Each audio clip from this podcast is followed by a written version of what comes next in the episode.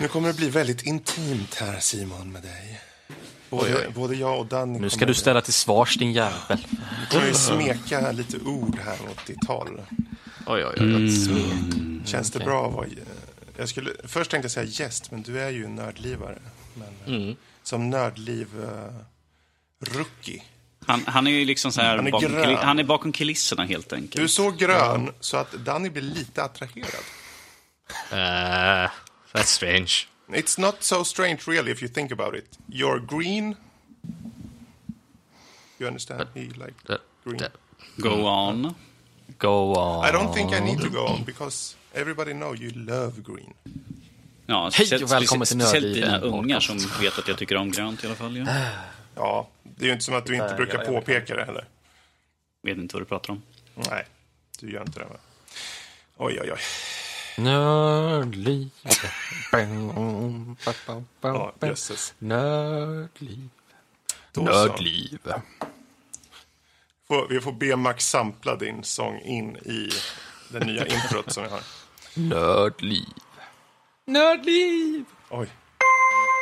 Nördliv. Nördliv.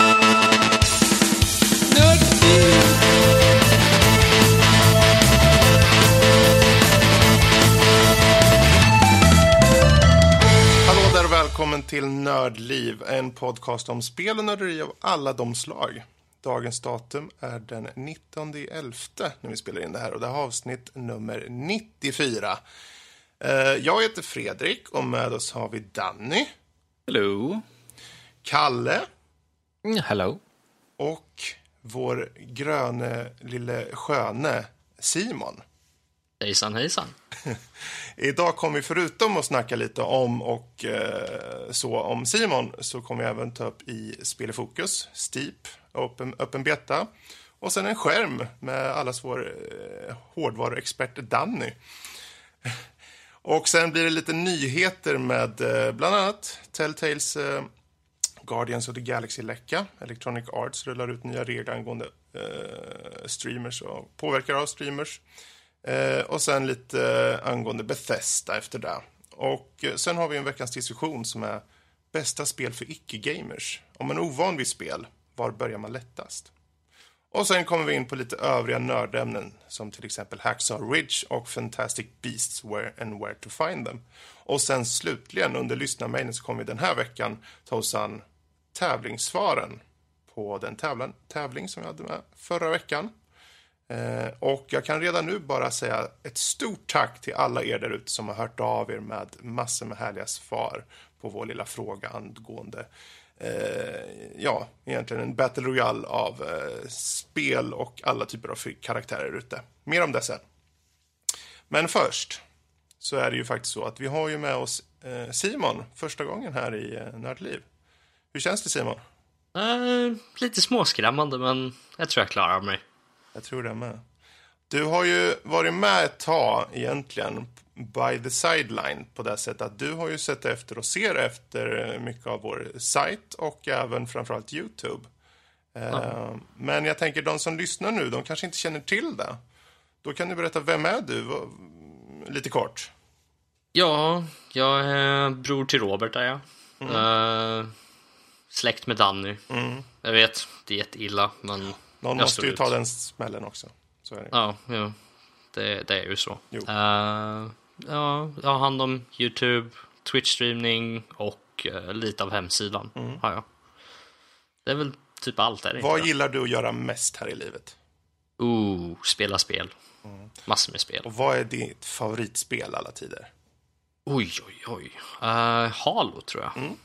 Halo Combat Evolved. på Mm. första. originala Ja. Xbox. Vi- Vilket typ av spel eller en genre skulle du absolut inte sätta med? då? Uh, hmm, Eller minst av allt, om vi säger så. här, Turn-based combat-spel som typ Final Fantasy. Sådana spel Mm. kan inte jag med. Okej. Gött. Ehm, vi kan ju göra så här också. Vi brukar ju ha när vi har gäster en sån här blixtrunda. Och det är ett bra sätt för att få lite pejling på vart du står här i livet på de här viktiga ämnena. Eh, Okej. Så vi kör helt enkelt här. Eh, Går det bra för er två andra att vi kör lite blixtrunda mot Simon? Kör hårt. Yes. Go for it. Yes. Då så, då börjar vi. Vi börjar med Star Trek eller Star Wars? Star Wars. Hund eller katt? Katt. Wii U eller 3DS? Oj, oj, oj. 3DS antar jag? PC eller Mac? PC. Gorbis eller Pil- Billys? Billys. Puss eller kram? Äh, kram. Banan eller äpple? Äh, äpple? Daniel eller Rob? Äh, Nej, den kan hoppa. Ingen? Den kan du hoppa. Eh, plattform eller RPG? äh, RPG. Grillchips eller sour cream and onion? Sour cream and onion. Snorlax eller Eevee? Eevee. Bamse eller Tintin? Tintin. Mario eller Zelda? Äh, Zelda. Arnold eller Stallone? Arnold. Marvel eller DC? Marvel. Okej, den här är svår nu. Halo eller Half-Life? Halo. Så, svårt Korv. val där. Korv eller bacon? Äh, bacon. Fantasy eller sci-fi? Sci-fi. Halo 2 eller Halo Reach? Reach. Halo Reach eller Halo 3? Reach. Halo 3 eller Halo 2? Där ser man. Halo 2. Anime eller Disney? Mm, Disney. Då så, jag tycker det, det räcker. Eller har ni någon liten skjuta från höften-fråga? Jag, ty- jag tycker det var intressant för att få höra ett svar på mig eller Rob, men eh, jag vet att han skulle ha svarat mig egentligen. Så. Alltså, du kommer aldrig få ett svar på den. Så är det bara. Jag vet redan svaret. Så här. Ja, du, du kan inte alla dig Släkt själv. eller bror? Eh, nästa fråga. Ja, precis. Jag, jag har inget bra svar på Simon, den Simon frågan. du kan svara helt ärligt, för vi vet att Robert kommer inte lyssna på det som Ja, han lyssnar inte i alla fall. när han lyssnar inte. Ja, fast han är faktiskt min bror. Ja, det är klart att man tar bror. Ehm, men då så, då har ni fått lite pejler ut. Då är det så att ni är lite mer nyfiken angående Simon eh, och det han gör här på sajten. Eh, hör av er till oss, antingen på info.nordlivpodcast.se eller direkt till Simon, simon nordlivpodcast.se. Och, vill ni se och höra mer om honom så är det bara att titta på streamerna som brukar vara på fredagar och lördagar. Väl? Fredagar och söndagar. Fredagar söndag- Fredagar söndagar, ja. klockan 18 och söndagar klockan 15. Eller bara gå in på vår gå in, gå in på vår hemsida och titta på när vi slänger upp nya YouTube-klipp. Eh, Det är vanligtvis Simon och Robert som tar och slåss där mot varandra. Precis. Yes. Om inte annat så kan det ju vara så att vi eh, under resans gång här nu med att det är första gången nu och sen kanske när du mot förmodan nästa gång är med så kanske vi också har lite så här frågor bara för att få lite pejl på dig och att de där ute får lite mer pejl på dig. Så det kan vara ett litet stående inslag varje gång du är med, de närmsta gångerna i alla fall. Låter bra. Eh, bra, men från ett fokus till ett annat fokus. Eh, spel i fokus. Sp- eh, får se här nu. Steep och öppen Steep, ja. beta. Just det. Jajamän. Vi, Det var jag och du Fredrik som hade kört va? Det stämmer Jag har också kört det. Ja. Du har också Simon? Ja, ja, det är för, allt, för all del gratis, så varför inte? Ja. Men eh, till att börja med, vad är då Steep? Jo, det är, vad ska man säga, Open eh, World, eh, utforska, åka skidor och med mera spel, som man kan säga. Ehm, de har ju lite allt möjligt, det är ju både snowboard och skidor till att börja med. Men sen så kan man ju ha, köra wingsuit och Precis. paragliding också. Det är lite variation på det sättet. Men utöver det så är det ju mycket sådana här, det är upp, vad ska man säga, liksom uppdrags-challenge-baserat liksom. Så du får åka, det är lite olika variationer, det är, antingen så ska du trixa och få poäng eller ska du bara racea och komma först eller sånt. Det, känd, det kändes ju verkligen lite Ubisoft där man såg på stora kartan. Okej, här Ja. har vi en plupp och där kan vi göra ett uppdrag och här har vi en plupp och här kan vi göra ett uppdrag när det är olika former av race liksom och så vidare. Precis. Jag ska faktiskt säga det att det var mycket ma- matigt för ett eh, open beta faktiskt. För det fanns, fanns mycket att göra. Eh, sen får man ju säga vad man vill. Alltid, det är ju bara massa olika typer av utmaningar så man får ju säga vad, vad man vill om det. De är ju ganska snarlika egentligen om man säger så. Så man får ju tycka vad man vill om det. Men det var ändå ganska mycket att göra. Det var sto- stor del av världen som man fick ta del av. Även om det bara var en beta liksom. Jo, precis. Det jag tycker är intressant, jag kan väl säga för min del när jag körde, jag det var kul att testa på, men det kanske inte är min typ av spel. Men jag tycker ändå att det känns som att Ubisoft riktar in sig på en marknad som det inte riktigt finns något av numera. Nej, utan innan så hade vi ju SSX så det var väl kanske allt egentligen. Ja, Eh, Det finns inte mycket mer just nu då. när kom SSX senast egentligen? Var det något år sedan eller snackar vi ännu längre tillbaka? Nej, det var ännu länge ihåg. sedan. De försökte ju släppa SSX för typ kanske två, tre år sedan. Ja. Eh, Men det lyckades ju inte. Var inte det senaste SS60 typ Playstation 2? Det, det kan jag faktiskt inte på rak arm. Vänta lite. Vi ska Men kolla. eh, vad tyckte du då om, om, om det här spelet Simon då? När du körde lite? Ehm, jag tyckte det var en intressant tanke som de går för, men kontrollerna var väldigt udda, tyckte jag de var. Ehm, det... Ja. Det här med att man eh, bromsar in och så på, på högersidan, på högra sp- spaken? Nej, det var eller? mer kamerakontrollerna var det som jag hade problem med. Det var eh, när man åkte wingsuit och så, så var upp, ner och ner, upp helt enkelt. Och Det fungerade inte för mig Jaha. så jättebra. Jag tycker om att ha inverted på de flesta grejer. Så. Men, Ja, du tänker så ja. Okej. Mm. Ja. Ja. Och sen kan jag inte ändra det på något smart sätt helt enkelt så att det var åt rätt håll. Eh, Det fanns en inverted controls men det var bara för kameran och inte för hur karaktären rörde sig, vilket var lite udda. Det var en liten rolig Ja. grej som, som hände. Det, det, det är inte riktigt en, en, en bugg så, men det var lite kontextavkänningen så att säga. Eh, när man stod och skulle hoppa från kanske någon, så göra lite base jumping och just man det. råkade dra åt fel håll. För jag ville tänkte, ja men nu ska jag backa lite och springa ut för stupet egentligen. Så, så slänger han sig bara på marken och bara pladask, magplask rakt ner liksom. Och man bara, ja, ja. Ja, jag- märkte ju också lite det med betasjukdomen när han Mm. ska hoppa framåt från typ avsatsen. Han åker igenom avsatsen och neråt liksom. Eh, gjorde han i alla fall för mig. Eh, men för min del, wingsuit-delen tyckte jag var ganska rolig ändå. Jag kände Mm. väl inte direkt kanske det som du känner Simon. Jag kan förstå det däremot om man är van med en viss typ av styrning när man flyger och så. Men eh, jag tyckte den var ganska schysst faktiskt. Och sen där man använde högerspaken egentligen för att göra flippa till han så att han åker snabbt åt höger, snabbt åt vänster. Vänta, spelade du med eh, kontroll? Handkontroll Ja. alltså? Det gjorde Okej, jag det också. gjorde inte jag. Jag Ja, spelade okej. med keyboard and mouse. De Ja, rekommenderar ju att man spelar med handkontroll faktiskt. Så, Så det känns ju väldigt handkontrolligt det spelet. ja, jo, Ja, definitivt. Jag kan tänka mig det. Jag har inte testat det sedan eh, dess. Jag Personligen skulle jag väl hålla med det. dig faktiskt. Att det spelas nog bäst på handkontroll. Men eh, kan tänka mig det. ja, oavsett hur vi tycker och tänker, det är ju som sagt bara en beta där vi har testat. Eh, men eh, det känns ju som att de faktiskt har ett, har ett koncept som jag tror ändå kan dra till sig lite folk. För det är, det är så pass öppet och enkelt egentligen i styrningen att vem som helst kan sätta sig egentligen och köra. Frågan är ju variationen, om den räcker. För om de ska ha open, open world på snowboard Visst, de har fått in det här wingsuit lite, lite olika sätt att köra ner för berget, men det är frågan om det räcker. Det, ja, jag vet inte. Mm, nej, svårt att säga. De har ju lite, lite konkurrens nu. Det, det har inte hänt så mycket med det på senaste, men det var ju det här spelet Snow var ju aktuellt för några, Just ja. för några Ja, månader sedan. nu. Och det, var också, det är väl också i någon slags uh, betaform, om jag minns ja det är väl typ early access. Ja, ja, jo, precis. Jo, att, eh, den körde jag ju faktiskt också, men den var ju väldigt sparsmakad. Den här är Ja. mycket, mycket, mycket bättre. Den, eh, Snow är- lutade lite mer åt det, vad ska man säga, verklighetsförankrade hållet medan eh, Steep är fortfarande mycket mer arkadigt. Det är mycket orealistisk fysik, vilket inte är något fel egentligen så.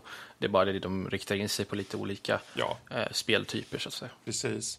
Är, man märker verkligen att det är mer casual på något sätt. Liksom. Mm. Men å andra sidan casual och casual. Det ska ju, ett spel ska ju i grunden vara kul. Liksom. Sen finns det ju väldigt många som tycker simulatorer är kul. Men rent generellt, de flesta som sätter sig. Jag tror det här är ett spel som passar sig kanske, kanske ganska bra på konsol då. Mm. Just för att eh, du bara slår igång och så kör du ner för bergen ett par gånger och sen är du nöjd för den dagen. Liksom. Kanske. Frågan är, kommer Ubisoft lägga in VR-support för Steep? Ja du. skulle Det- vara ganska Ja, intressant. för, för vem vill inte se när man person. åker liksom med huvudet in i en stolpe eller ett träd? Alltså det, det finns ju ganska bra typ GoPro-aktigt first person-läge i Steep. Jag vet inte om ni testade det någonting, Nej. men det finns. Nej. Eh, man slår på left bumper när man åker. Så hamnar man i first person och eh, väldigt så kräkreflexerna kommer går igång direkt. Så att i VR tror jag inte det skulle, eller, man vet, nej det skulle nog inte funka speciellt bra tror jag. Jag tänker när man åker i 140, bara då mår man illa. Och sen tar det tvärstopp när man åker det. in i, i berg. som fan. Och, och göra en bakåtvolt i det där first person-läget, det var... Ja. Hoppla. ja. Så att, eh, Jag vet inte, finns det något mer vi vill addera på det här innan vi går vidare? Eh, En sista punkt, Mm. jag tyckte det var otroligt snyggt spel faktiskt. Det var väldigt snyggt och det flöt på väldigt bra, liksom rent prestandamässigt. Det är ju någonting som jag lägger lite vikt på faktiskt. Mm. Eh, och sen så hur snabbt allting flöt på när man... För att, ehm, det är uppbyggt så att du kan liksom flytta dig, du kan teleportera runt på kartan ganska snabbt. Men det är absolut inga laddningstider runt omkring. Nej, det tänkte jag också på. För när du till exempel, för man kan ju ta kikaren och så kan man kolla, okej, man kan kolla runt och hitta nya ställen. Så om du hittar ett ställe, då kan du gå ut till kartan, så kan du gå till det stället. Och det var ingen laddningstid, du kom dit direkt. Också den, de har den här replay-funktionen och det är lite samma, samma de- deal där att du kan liksom spola fram och tillbaka direkt liksom runt genom hela klippet och det är ingen laddningstid och sånt där. Så att, eh, det tycker jag är eh, bra gjort faktiskt. Ja, verkligen. Kanske borde ta sätta mig och kolla lite mer på det där spelet. Tänk på att jag spelar i typ kanske en halvtimme bara. Ja, okej. Ja, det är ju en liten introduktionssegment där i början innan man släpps loss på riktigt så att säga. Precis. Så att det ser lovande ut, helt Ja, rätt. och det är, bara, det är väl den här helgen en- i inspelande stund som de har öppna betan. Exakt. Ja. Exakt. Okej, men där får avrunda lite angående Steep och sen så hoppar vi vidare till något annat glassigt. Eh, en skärm, eller till och med två. Men eh, i det här fallet kommer vi fokusera på Asus MQ24 8Q. Eh, men Danny, frågan är, när man tittar på den här skärmen, vad är det första man slås av? Eh, ja, det första man slår på är att eh, du fick fel på namnet, men nu tänker inte jag vara sån i alla fall. MG248Q. Det man slås först av det är en 24-tummars skärm. Eh, den är ganska stilren, den är väldigt enkel, det är inget stort till bulkigt och sånt där. Med en liten röd angsang eh, nere på foten. Så att den, det är en sån här eh, skärm som man kan ha i nästan precis var som helst. Var som helst. Den sticker inte ut. Det är ingen sån här som att bara, "Ugh, hur kan jag ha köpt en sån här skärm? Det är en väldigt stilren skärm, väldigt enkel på det sättet. Eh, enkel och eh, man har liksom styrspakar och knappar på, nere på baksidan av höger delen av skärmen. Men att, som sagt, det är en 24-tummare. Det är inte den här, för är Karl eller eh, Simon som måste ha de absolut största skärmarna som finns. Väldigt enkel. Jag har 24. Tyst med den. Eh, det är bara en full HD, det är ingen 4K eller något annat sånt. Roligt, det är inget extremt. Det är en väldigt eh, enkel eh, gamingskärm helt enkelt. Den är väldigt anpassningsbar. Eh, Du kan vrida den 90 grader åt varsitt håll, eh, både på horisontalt och vertikalt. Så du kan ha alltså antingen liggandes eller som stående, beroende på vad du vill göra. Eh, Jag har testat att ha den stående inne i bildprogram, vilket är väldigt bra för då får man stå i rutan när man ska arbeta. Vanlig skärm, om man vill läsa, så kanske inte bästa. Som sagt, den går upp till full HD, men det är helt okej för, jag menar, vem spelar och tittar i annat än bara HD?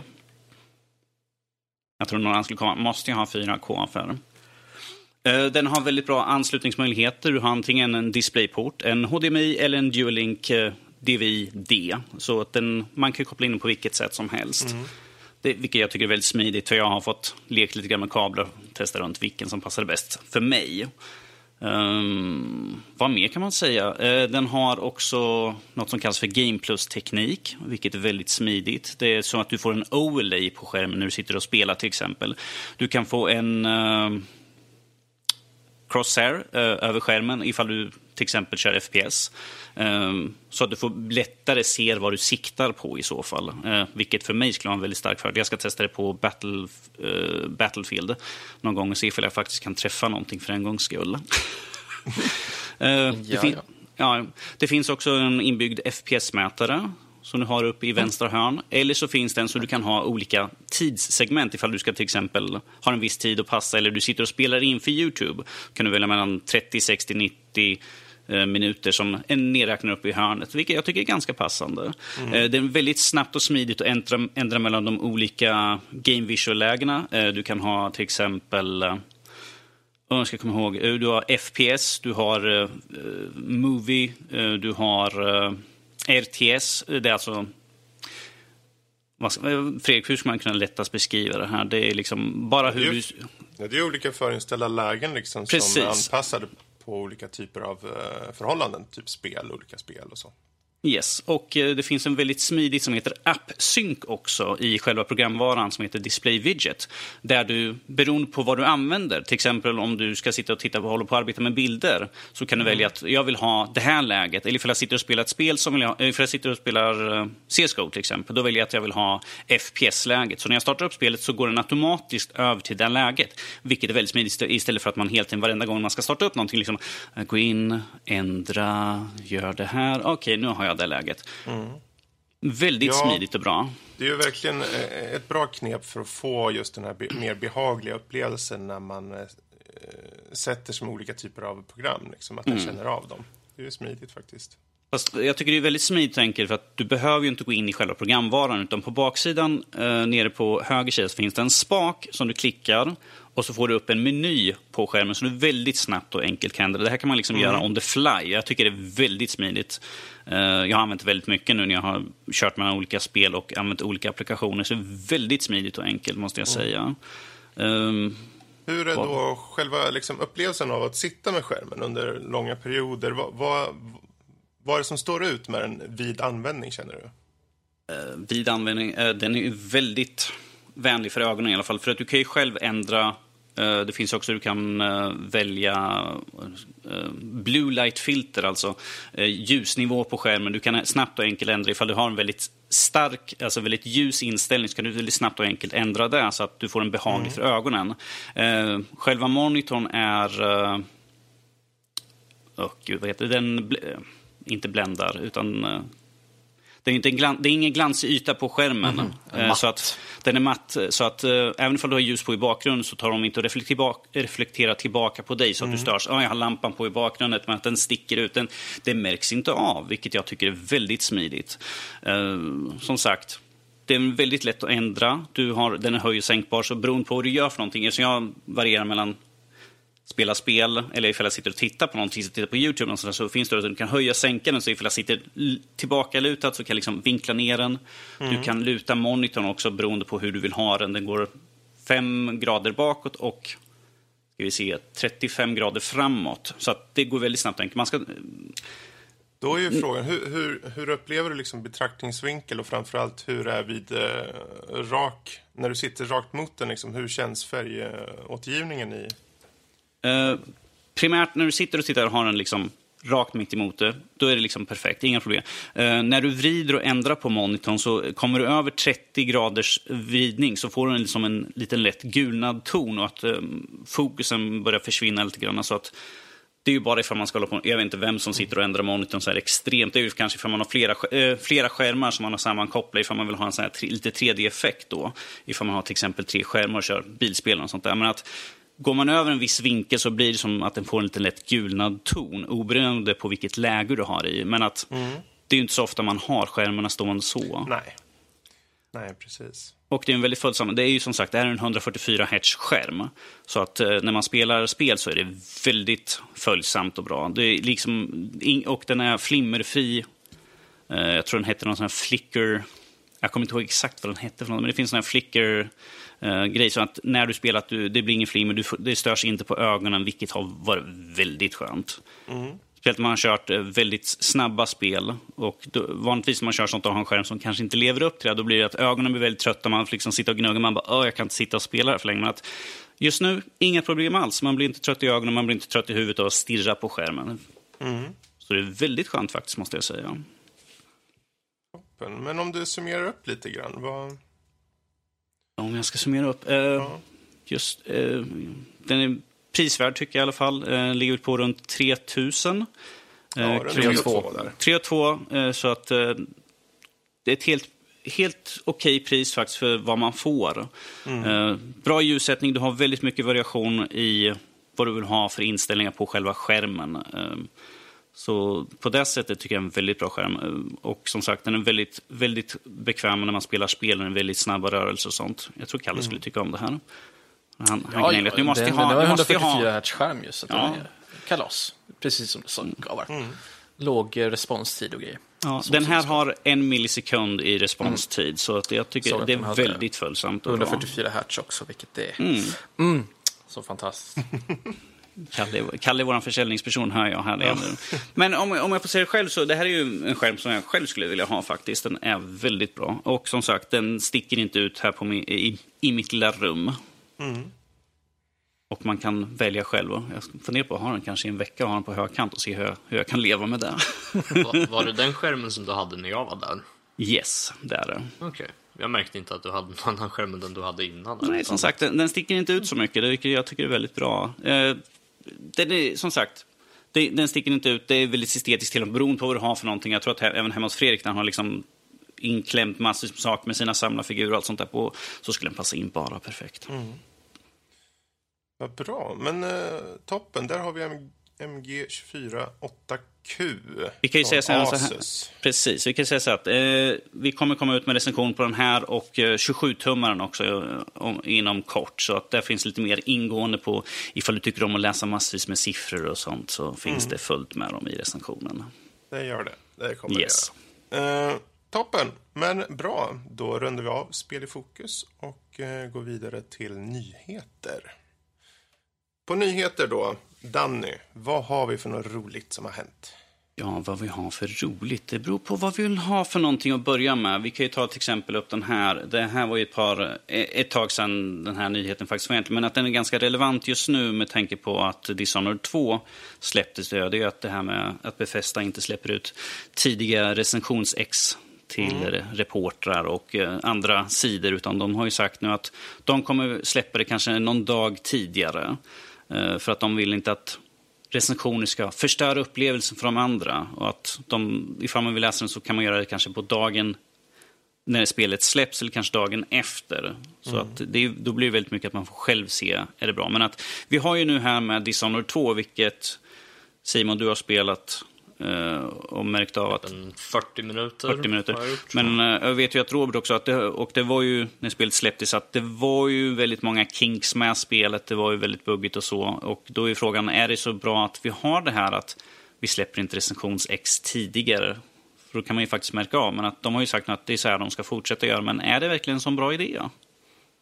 Vad tycker ni? Det kan vara en bra idé för att då får man inte en för impression av en väldigt biased uh, recensionsstudie, eller vad man nu ska säga.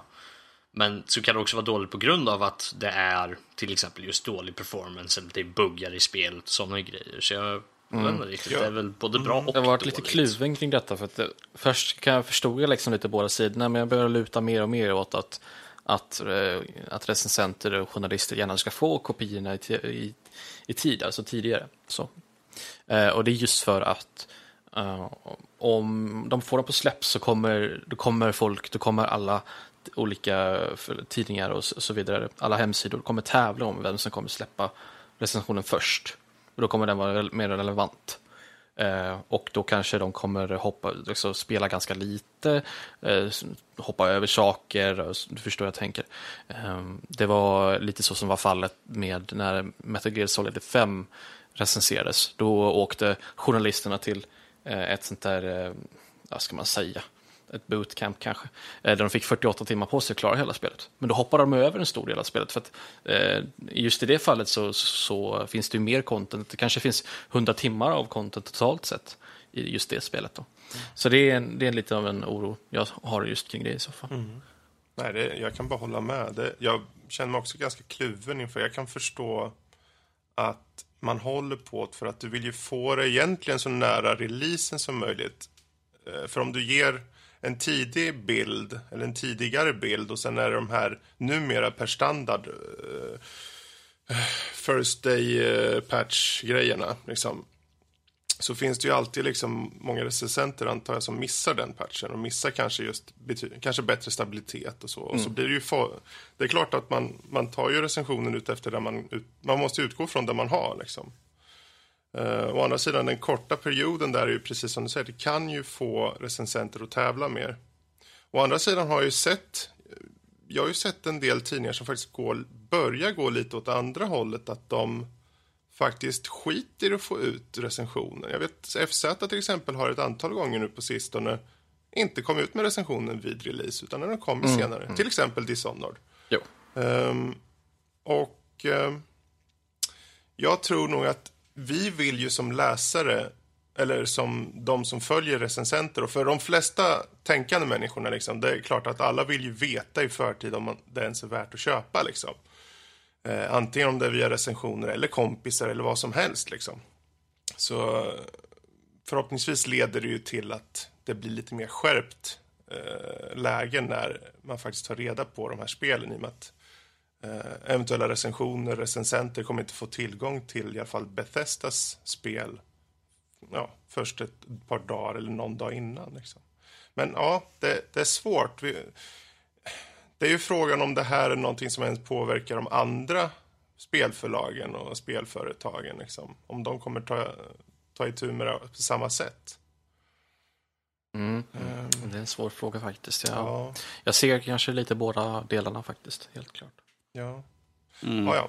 Men det, det, är en intressant nyhet. Jag vet inte om du har något mer du vill tillägga, Danny?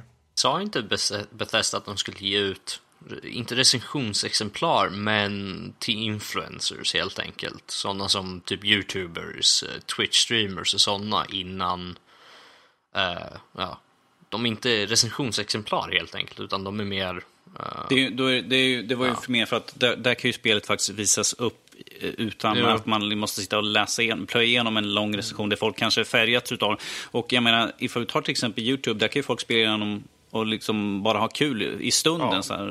Medan i en recension mm. då har de ju betat över varenda lilla sak och ska ha någonting ja, det här var inte, funkar inte riktigt bra, det här funkar inte. Mm. Ifall du tittar på YouTube i så fall och bara någon som spelar och kanske, oj, hoppsan, det var en bugg. Ah, ja, okej, vi kör vidare. Det, var inte, det är inte lika mycket, det är inte att de plöjer ner liksom, åh, det här är bara problem, problem, problem. Det är liksom, ah, ja, men det är så det är, liksom. det är en tidig kopia. Vilket är, folk som jag har sett som har fått tidigare kopior, de, har sagt, de har sagt, säger också att det är en tidig bild så att det kan ju komma några buggar, men att vi kommer bara köra igenom och ha kul. Ja, och sen är det ju en bra strategi från spelföretagens sida att ge det till YouTubers, för dels är de tacksamma att få det.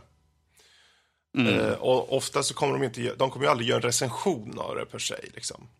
Eh, och det, kommer de, of, det får de ju till sig att det här är inte för att ni ska recensera, men ni kan spela det, göra gameplay, Twitch eller vad ni vill kanske. Eh, så att det är verkligen win-win för spelföretagen där. Eh, mm. Till skillnad från recensenter som faktiskt går ut för att sy, eh, syna spelet i sömmarna. Liksom. Mm. Det gör ju förmodligen inte kanske många YouTubers på samma sätt då. Eh, utan de, de sätter sig ju precis som ni säger för att faktiskt bara lira lite och då om det kommer en liten glitch här och var då kanske de skiter i det. Ja. Um, ja, nej, men eh, det, det, är en intressant nyhet men vi kan väl ta och hoppa vidare. Vad har vi här yes.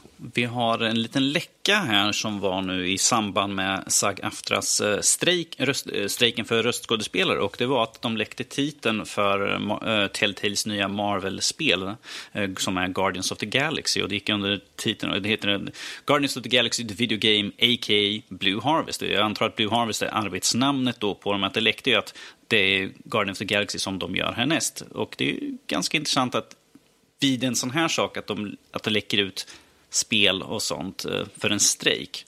Men det här var ju eh, då i, i samband som sagt med strejken och att det var ju de som inte hade kommit överens med. Och då har de skrivit upp att de här spelen, den här studion och de här spelen är de som inte har gått med på våra krav helt enkelt.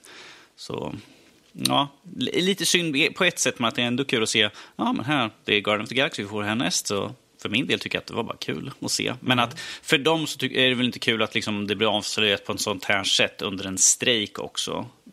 Så. Ja, vi hoppas att det inte ger någon form av effekt eh, på det sättet. Jag menar, vi har ju sett spel förut som har blivit läckta och sen har de kanske tagit och gjort om det helt. Liksom. Mm. Eller tappat licensen till och med i vissa fall. Ja. Så det vore ju tråkigt. Um, Telltale har ju tagit sig an en del. Nu, på sistone var det ju Batman, så att de fortsätter med just eh, på den här sidan på Marvel istället är ju ganska kul faktiskt. Om det nu är så. Eh, mm. Ja. Det finns kanske inte så mycket att säga, men att det är fortfarande lite synd och lite kul för oss som är nyfikna på vad komma skall ifrån dem. Så här får vi det ifrån en läcka. Ja. Ja. Men vi ser också i den här att det står Walking Dead Season 3.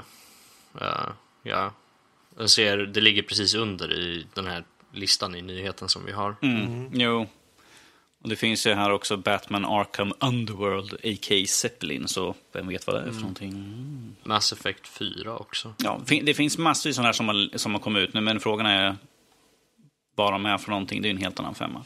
Men ja. från det så hoppar vi vidare till den här lite mer matigare, den här om EA som nu vill ändra om på sina regler för YouTube och andra, eh, vad ska man kalla dem för någonting? Eh, streamers och sånt, eh, att de helt enkelt nu måste uppvisa mer tydligare ifall de har ett samarbete eller är sponsrade av EA på det de gör. Till exempel ifall de gör ett klipp, ifall de har fått betalt av EI för att göra reklam åt dem så måste de uppvisa antingen med en watermark eller helt enkelt använda en hashtag i sin text under, supported by EA som de andra hashtag advertisement. Eh, där, de säger att antingen har EA liksom sponsrat på något sätt eller så har EA varit med och gjort innehållet i det som visas upp.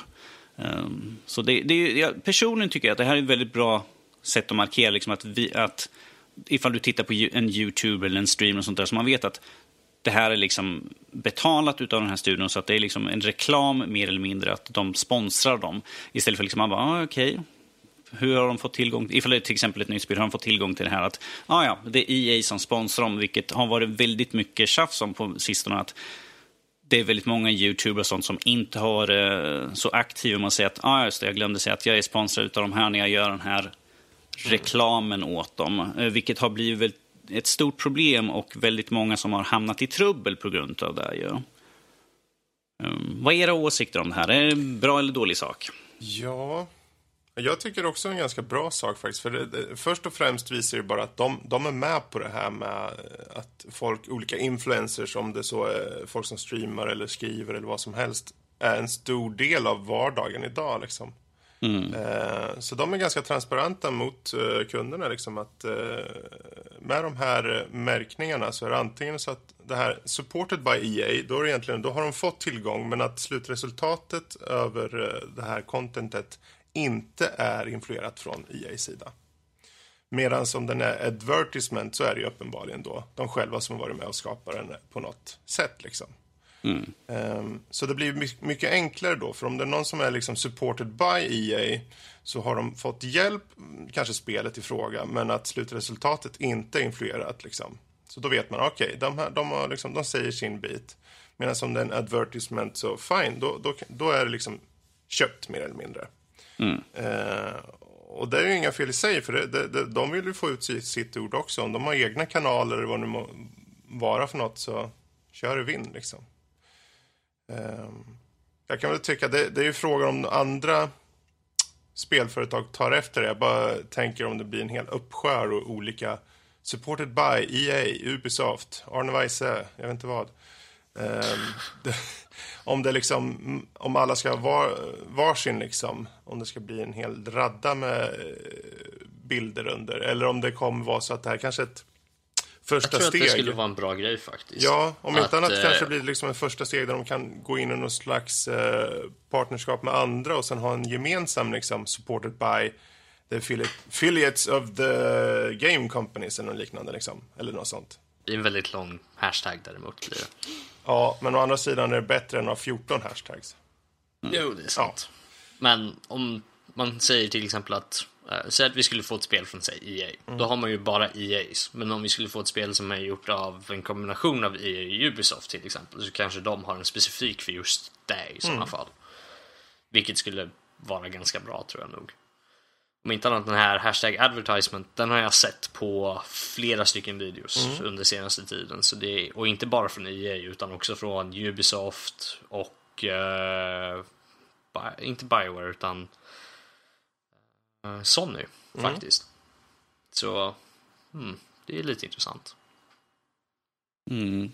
Jag, ty jag, tycker det här var ett väldigt bra ett steg i rätt riktning för att det är väldigt många YouTubers som jag har, som jag har läst och kollat på som inte har varit så rätt framme ifall de är sponsrade, ifall de har fått betalt utan de företag, vilket då har både blivit trubbel för dem och sen har det blivit trubbel för företaget för att de de anser att de inte har varit väldigt tydliga med att det måste skrivas med. Vilket jag tror att de har nog stående med i de kontrakten de gör med dem. Men att de hamnar ändå i trubbel ifall eh, den här influent-personen inte är rätt fram med det.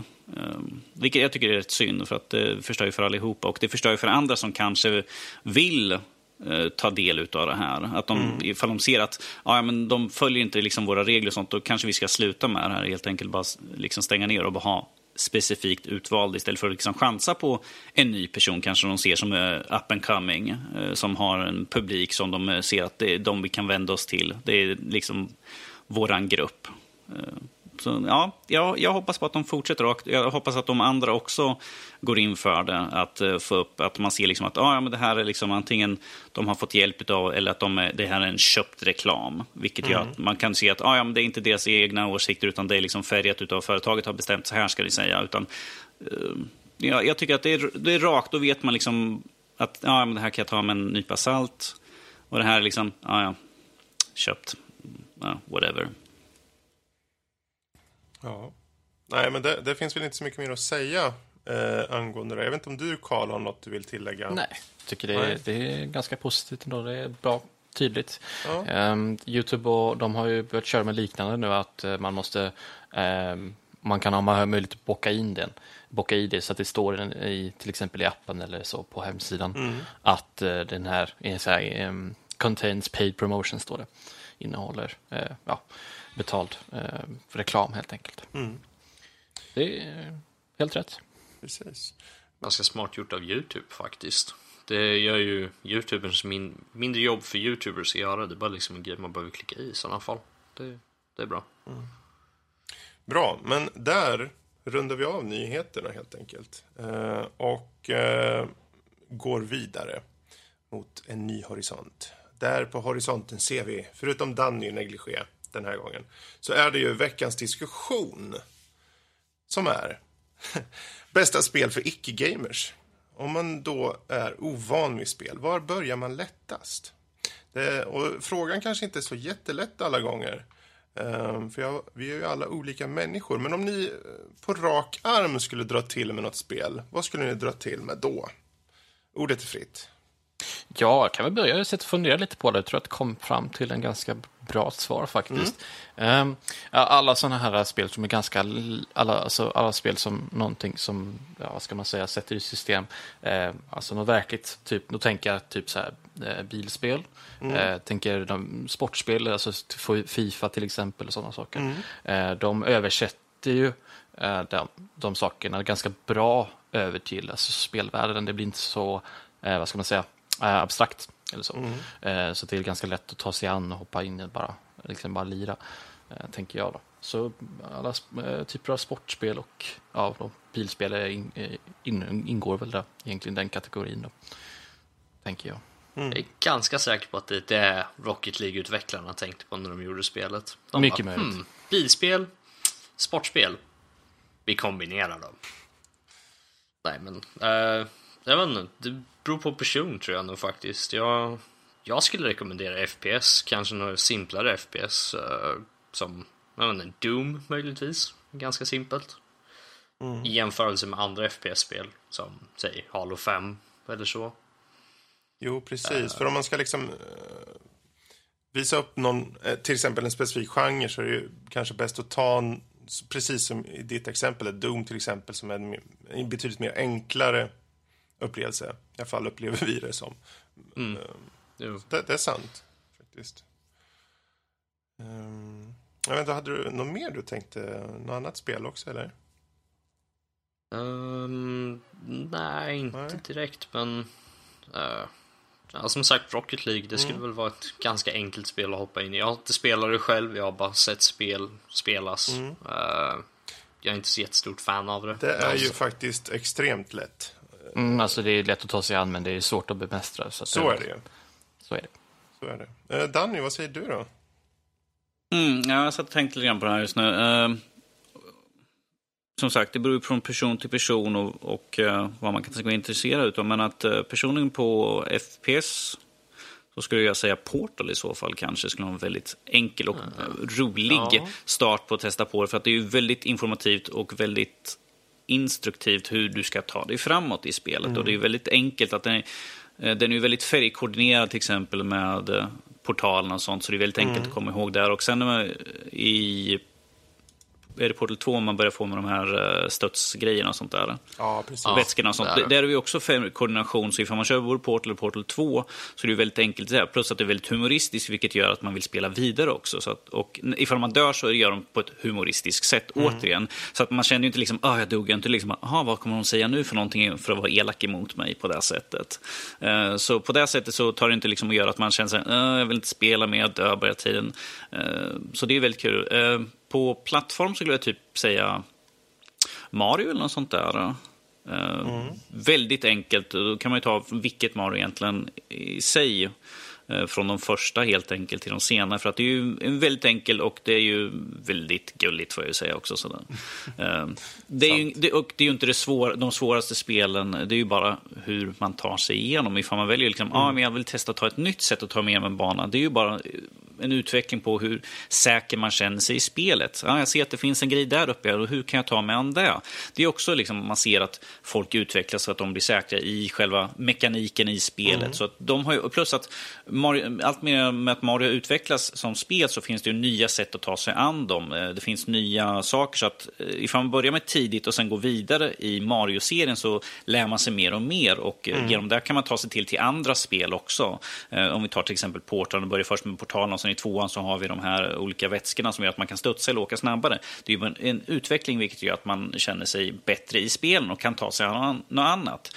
Samma sak som du sa med Doom är ju en väldigt bra, bra ställe att börja för att det är väldigt enkelt. Det är inte supersvårt. Det är skjut på allt som kommer in i bild helt enkelt. Så kanske man kan gå vidare till någonting när man känner sig bättre och ta någonting mm. svårare och vill ha en utmaning. Så kan man hoppa in och köra som både Simon och Karl med eh, CSGO helt enkelt. Och kanske med kompisar då, vilket gör att det blir lite roligare. Plus att man kan få hjälp då att, ja, jag är inte riktigt säker på hur ska jag göra på det här. Men då kan man prata med kompisar när man har det i gänget helt enkelt. Mm. Eh, så där ser man ju den starka fördelen där. Eh, jag försöker komma på...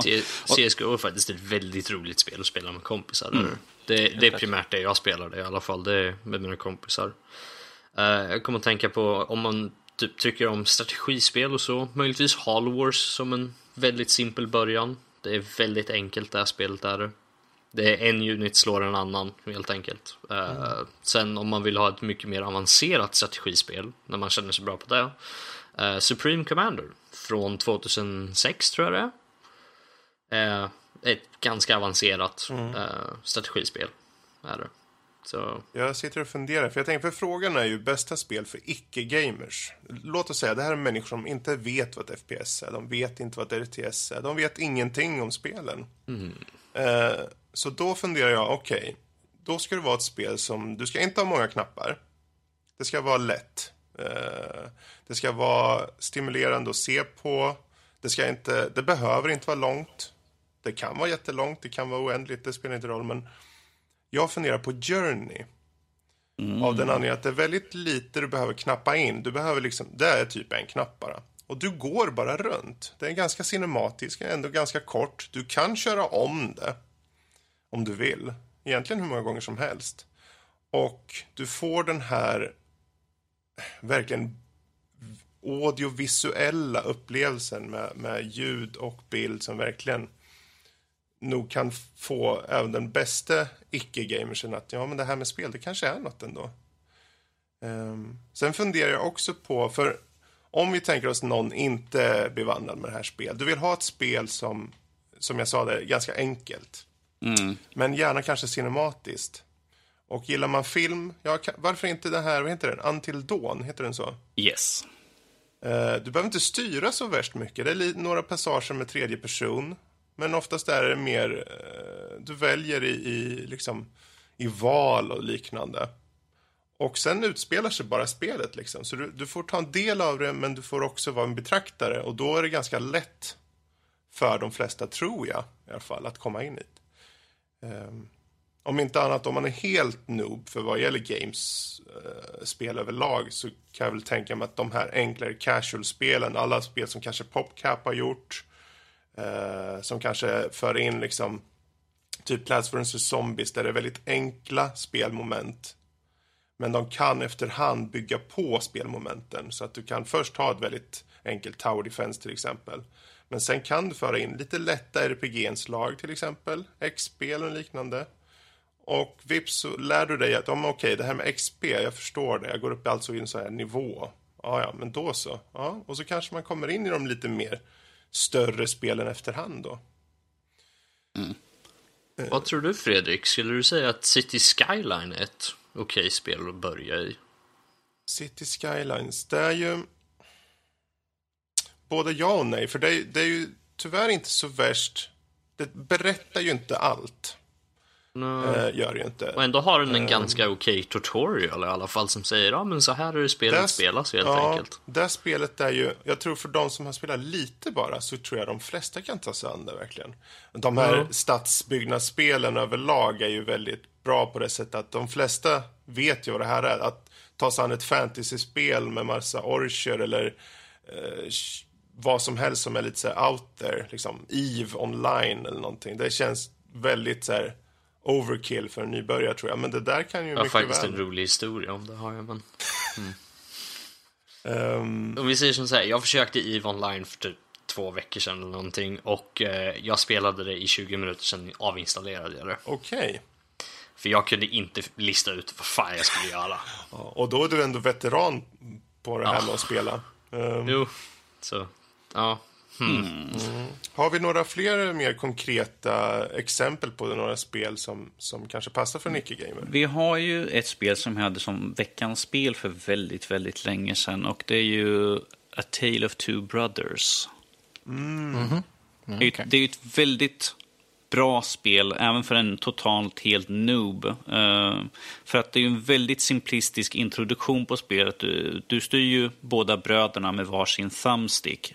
Eh, vilket allt eftersom eh, de ökar på svårighetsgraden. Men att introduktionen, liksom, du rör dig bara runt i staden, eh, tar dig från punkt A till punkt B och, helt, och lär dig liksom, ah, ja, jag måste ha den här brodern för att kunna lyfta tunga saker, jag måste ha den här brodern för att krypa under eller smyga omkring. Så att det är en väldigt enkel och, eh, introduktion och de, man kommer sakta men säkert in i det. Plus mm. att utöver det, att det är väldigt simplistiskt i början. Det blir såklart lite svårare när man ska liksom försöka koordinera. Så är det samtidigt också en väldigt eh, bra story som drar in en liksom, mm. i det. Att man gör att man hela tiden vill ta sig vidare och se vad är det som komma skall. Um, det, det är ing, person, jag, vi spelade igenom det där och vi, det, är, det är ju inte det längsta spelet. Vad var det? Hur långt var det? Någon, någon timme kanske? Ja, några timmar. Några timmar. Så att det är ju inte världens längsta spel heller. Så att det är ju det är väldigt bra också att man, det är en bra introduktion. Mm. Um, och det var inte allt för svårt rakt igenom. Det kanske var någon passage som jag hade lite problem med Eh, någon gång. Men sen när man liksom såg att, aha, jag kan göra det på det här sättet. Ah, ja, okej. Okay. Man ser liksom vad man gjorde fel och så kanske man till, ah, ifall jag hade ställt mig där borta med den brodern. Så att det är ett väldigt bra spel tycker jag i sig.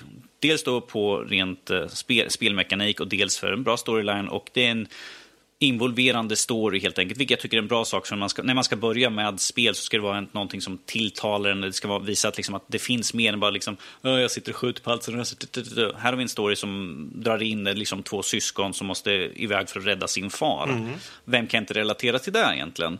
Eh, så att jag tycker att det är också ett väldigt bra spel ifall man vill få någon att börja med någonting. Det är väldigt enkelt och stundvis väldigt gulligt, sen ibland lite mörkare. Men att det, mm. det, man får med det mesta av vad spel ska involvera egentligen.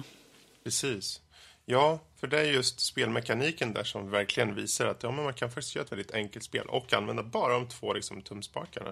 Mm. Bra, bra exempel faktiskt. Tack. Um, toppen. Jag vet inte, vi kanske inte har så många fler utan uh, det kanske får räcka. Jag skulle bara vilja nämna Worms. Worms. Det, ja. Worms. Simpelt spel. Det, det, går, vem som helst kan spela det. Det är väldigt roligt är det också. Till och med jag. Speciellt om man spelar mot vänner. Till och med jag. Ja, till och med Danny kan klara av det. till och med Danny kan vinna, då, då, är det, då, då kan vem som helst. Ja.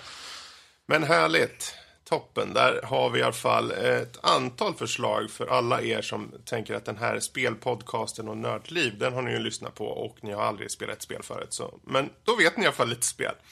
Mm. Um, vi hoppar vidare till uh, övriga nördämnen.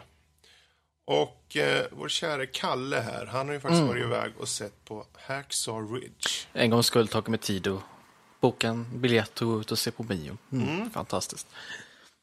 Vad, Vad- handlar den om då? Jo, det är eh, andra världskriget eh, drama, dramafilm som sig bör. Det är lite av min specialitet, så att säga. Jag gillar ju mina eh, The Pacific och Saving Private Ryan och alla de här. Eh, så det här var en film som jag misstänkte att jag skulle tycka om redan från början.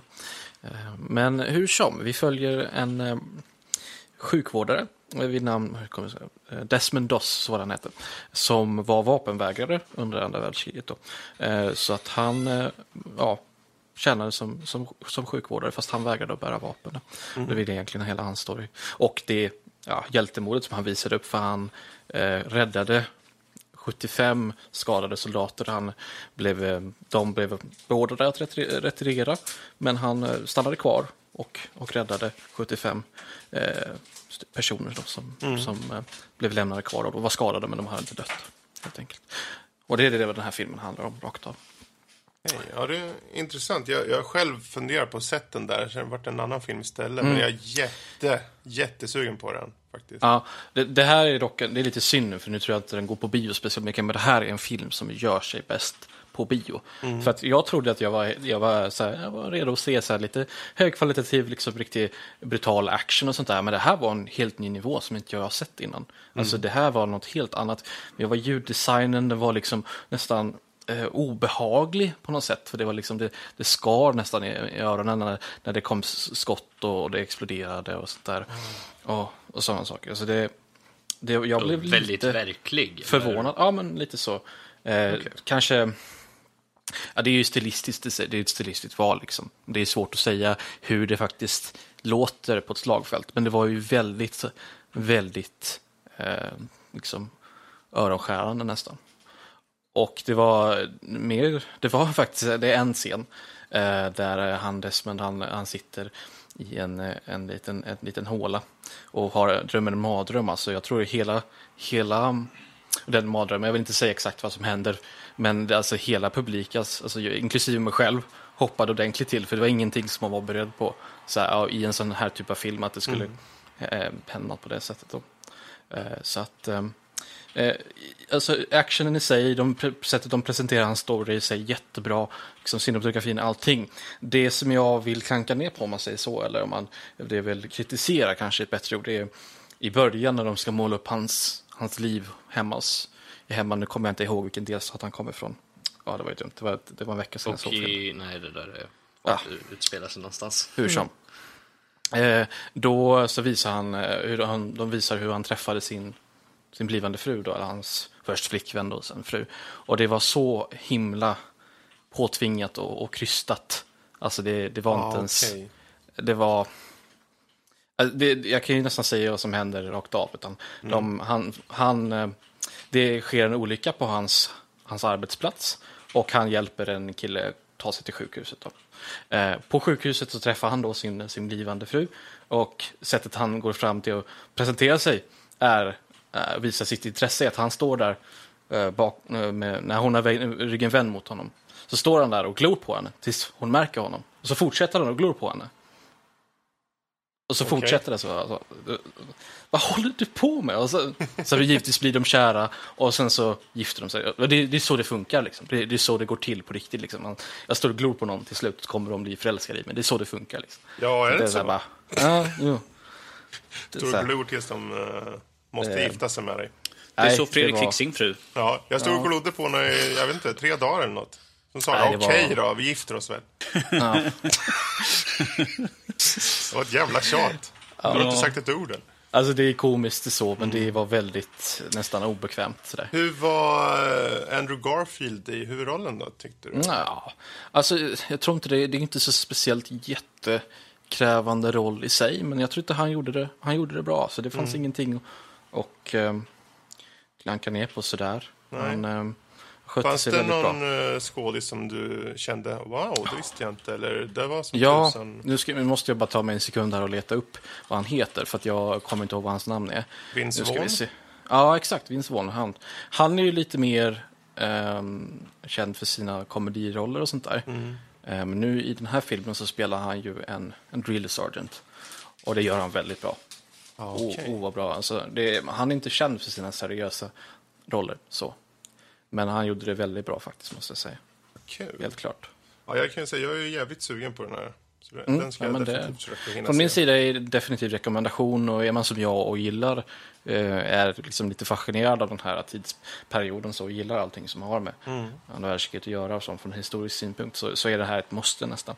Men i, i, överlag så är det också en, en rekommendation. Mysigt, men där hade vi i alla fall Hacksaw Ridge. Ehm, jag var ju faktiskt iväg idag på, uh, vid lunch där och såg eh, Fantastic Beasts and Where to Find Them. Och ehm, ja, den var bra. Kort och gott. Den var riktigt bra till och med. Ehm, du får följa, det på 20-talet, du får trä, eh, träffa den här Newt Scamander som han heter när han anländer till New York. Eh, han bär runt på en härlig liten väska som har en massa härliga små magiska varelser. Eh, han är där för han, because he have some special reasons, där får ni titta på filmen för. Men han har i alla fall skäl till att ta sig till USA och ha med sig de här då. Men tyvärr så är det ju så att de, eh, ja, de sliter sig ur väskan några stycken och drar hejvilt här och var. Eh, bland annat en som kallas en nufflare på svenska. Okej. Och jag, jag ska spoila den här lilla djuret. Är det så ni inte vill lyssna på det här så hoppar ni fram typ två, tre minuter. En nufflare, som jag, jag kallar den det, jag, jag tror en nifflare kanske den hette till och med. Det ser ut som en liten, ehm, vad ska man säga, som en sån här mullvad. Men vad den hela tiden är ute efter är diamanter och guld. Och den har en liten ficka på framsidan där den kan lägga ner hur mycket som helst. Och i början på filmen så är det ju den som då först och främst eh, drar och snor allt den ser från varenda människa den kommer över. Och den är extremt näpen och fin tycker jag. Eh, och en del av filmen genom hela filmen på sätt och vis. Men det visar bara att de har verkligen, verkligen gått in för den här världen i den här filmen. De har, för jag tänkte, okej, nu ska de slänga ut referenser kors och tvärs till eh, Harry Potter-serien, men det var egentligen två sådana eh, referenser egentligen. Eh, och that's it. Det, det är en väldigt self-contained story på det här och är väldigt underhållande. Ehm, jag varit nästan lite överraskad. Det, fin- det finns en del karaktärer som det blir lite så här, lite twists and turns på. Eh, och, och när jag satt och såg filmen så fanns det hela tiden lite, okej, hmm, undrar om det är så eller så. Och det vart hela tiden pay-off på allting som de byggde upp i den här filmen. Och framförallt var inte någonting som att det här, du får vänta till nästa film. Utan det var i den här filmen, så den är väldigt så här separat. Eh, vilket jag uppskattar. För jag tänkte, för de har ju kommit ut med att det ska bli typ totalt fem filmer vad jag fattar för. Ja. Och jag var rädd att de skulle liksom ha någon ha det som en, bara en startup liksom och det skulle vara 40-11 trådar utåt. Det kanske finns någon tråd liksom, såklart. Men den är som sagt väldigt eh, egen ändå.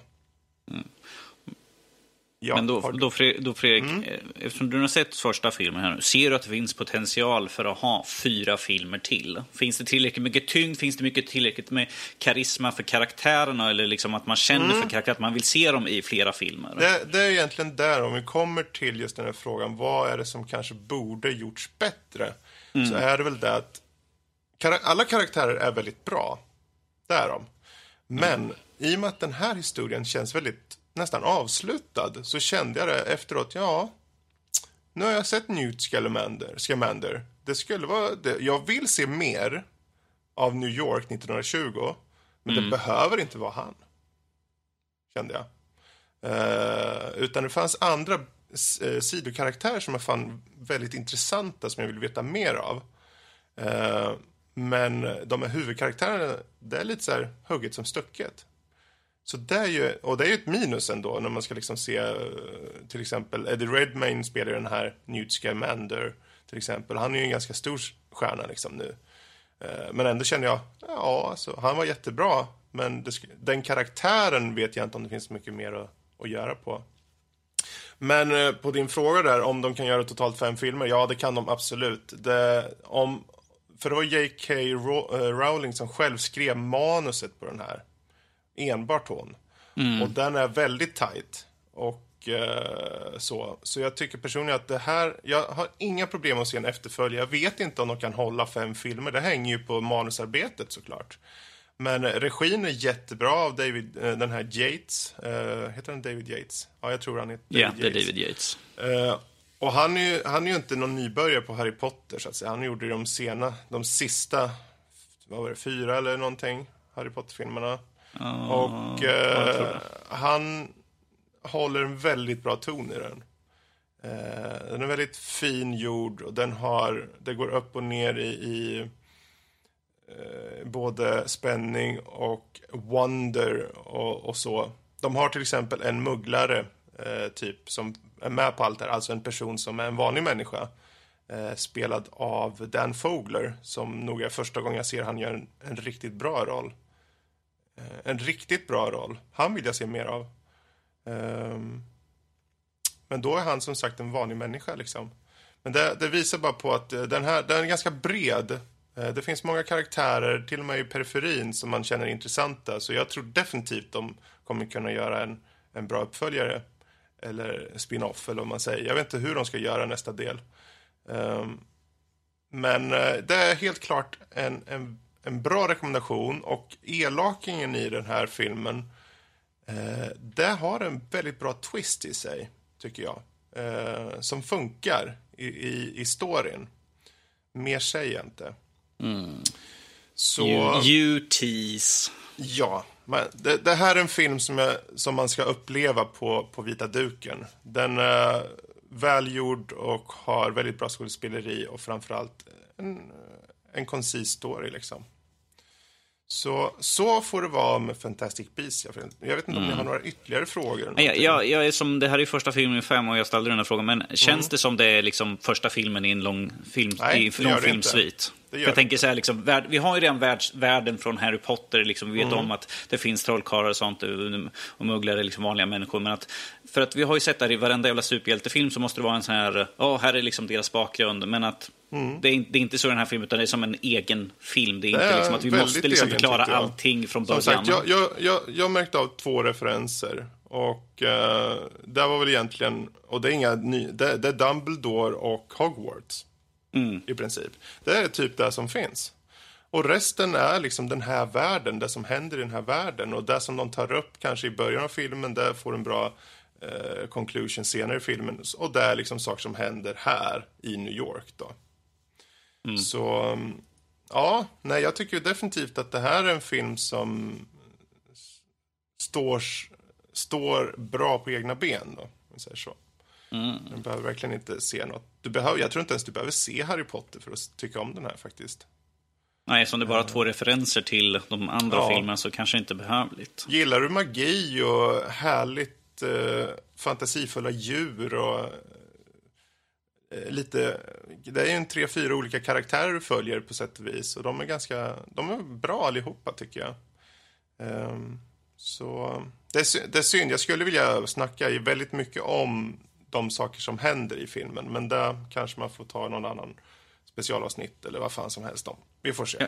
Ja, jag har bara en sista fråga. Hur var mm. Colin Farrell i, i filmen? För att Colin Farrell är inte, är inte, någon som jag tänker liksom, ah, men ja. i, en, i en fantasyfilm, Colin, ah, just okay. Han, uh, han gjorde en, en karaktär som uh, är som typ uh, den bestämmande på den här byrån för, det är en typ av vad ska man säga, en, en magisk, kon, ja, en magisk kongress. Han är som en nästan polischef på sätt och vis för, eh, för de poliserande magikerna. Mm. Eller Macusa tror jag de hette. Och jag tyckte han var bra. Han var både mystisk, men han hade senare i filmen lite scener som gjorde att man funderar. Först funderar man i början, sen får man lite svar allt eftersom. Liksom. Eh, men det är hela tiden någonting som hålls tillbaka. Och det, jag tyckte han gjorde väldigt bra ifrån sig faktiskt. Um, det var, jag vet inte, jag försöker tänka på någon som inte gjorde bra ifrån sig. Mm. Och det är väl egentligen bara de karaktärer som, som var med minst. Liksom. För de, som till exempel John Voight är med som någon pappa till någon sån här... Um, han är typ så här ny nyhetsmagnat. han äger tidningar och sånt. Liksom. Han har en mm. ganska liten roll. som jag kände inte var så värst nödvändig. Det känns som att den karaktären är någonting man kan bygga på i senare filmer. Och därför jag sa förut som att de här periferikaraktärerna som man är med om, vissa de är med, men det är inte som att man får så mycket av dem. Eh, så de känns ju på något sätt som att de kommer hänga med till nästkommande filmer. Liksom. Det, det är bara för uppvisning att de finns faktiskt. Ja, de, de, de sidokaraktärer som är med, de har ju lite att göra, men det är ju inte alls som huvudkaraktären har det. Eh, men de är absolut inte någon form av liksom en, ett ord och sen en scen, utan de, de har ju någon lite större betydelse för storyn. Eh, men det är ändå liksom i periferin. Men... Och, eh, eh, ja, Jag, det- jag, det- sitter, och- jag, jag sitter och kollar här nu. Jag, jag, jag, jag såg vad Bron Perlman spelar. Så. Ja, jag var glad. Jag visste inte ens att han var med faktiskt. Så när jag såg hans roll, eller karaktären han var, jag bara, fan vad likt och det låter Ron Pearl. Ja, det där är Ron Perlman. Det såg man på hur han agerade och allting. Det var en jätterolig roll. Eh, Det, det är en väldigt liten roll, men det är en rolig roll. Och den rollen har jag talat. Ja, och jag tror definitivt han kommer komma tillbaka. Mm, okej. Ja. Oh, ja. det, det, här, det här- är en perfekt tis. Liksom, bara, nu måste jag veta, nu måste jag gå och kolla på filmen sen och se vad Mm. fan han spelar för någonting. Sen. Ja, nu har jag varit jätteluddig, det får räcka. Men eh, vi tar helt enkelt och rundar av på, på Fantastic Beasts och går vidare till ja, lyssnarmailen. Ehm, den här veckan är det så att vi kommer ju ta upp nu svaren på frågan som vi hade ute eh, för tävling förra veckan. Mm. Eh, och ehm, då var ju frågan helt enkelt, ja vad var frågan? Eh, Du har den uppskriven någonstans. Frågan var, i en Battle Royale mellan alla olika spelfigurer, vem skulle bli den vinnaren över allting och vem skulle dö först? precis. Kort och gott var, var det som vi Just frågade. det. Vem vinner och vem dör? Och vi har fått in som sagt en hel drös med eh, svar eh, från olika härliga människor där ute. Och vi tänkte vi börjar med tröstpriset som vi skickar ut. Eh, det kommer vara Grim, Fanda- Grim Fandango. Och eh, då är det nämligen en Daniel Saxin som har skrivit in till oss följande. Mitt bidrag till tävlingen börjar med en simpel död av kanske spelvärldens mest frustrerande karaktär. Jag minns när man satt hemma med sitt Gameboy och drömde att få den utvecklade formen Gyarados. Jag vet inte om man säger det, men det, det är väl något Pokémon. Vi snackar såklart om Magikarp från Pokémon-världen. Men allt den gjorde var att flåsa. Och så kommer den första karaktären dö i min Battle Royale, flåsandes på marken. Den vinnande karaktären kunde ha varit en stark kvinna som Lara Croft från Tomb Raider eller den smörande karaktären eh, James Bond. Jag tror att de båda skulle trassla in sig i ett kärleksdrama och få en odramatisk död av några pilar från min barndomsfavorit Zelda. Zelda skulle nog stå på sig mot eh, Master Chief, den bastanta mördarmaskinen från Halo, rymdens Clint Eastwood, som nu står på vinnarpodiet och tar av sig hjälmen. Under den avmaskeras en annan karaktär, en agent med streckkod intatuerad i nacken. Hitmans huvudkaraktär, Agent 47, den mest underskattade karaktären i spelvärlden, har nog hånflinat sig hela vägen fram till första plats. The End. Det var hans svar, som vi tyckte var riktigt bra. Han får ett, ett, ett, ett tröstpris då, så att säga, eh, i Grim Fandango. Eh, och eh, ja, vi kommer höra av oss till dig, så får du det. Sen har vi vinnaren som är betydligt kortare, eh, men vi kände väl att den var kort och koncis och eh, föll oss på läppen helt enkelt. Och det är följande från Erik Lindén. Han skriver. I en Battle Royale så skulle jag säga att Glado skulle vinna. För även om hon typ förlorar i spelen så överlever hon alltid till nästa dag. Och efter att tiden springer fram så dör alla andra av gammal ålder.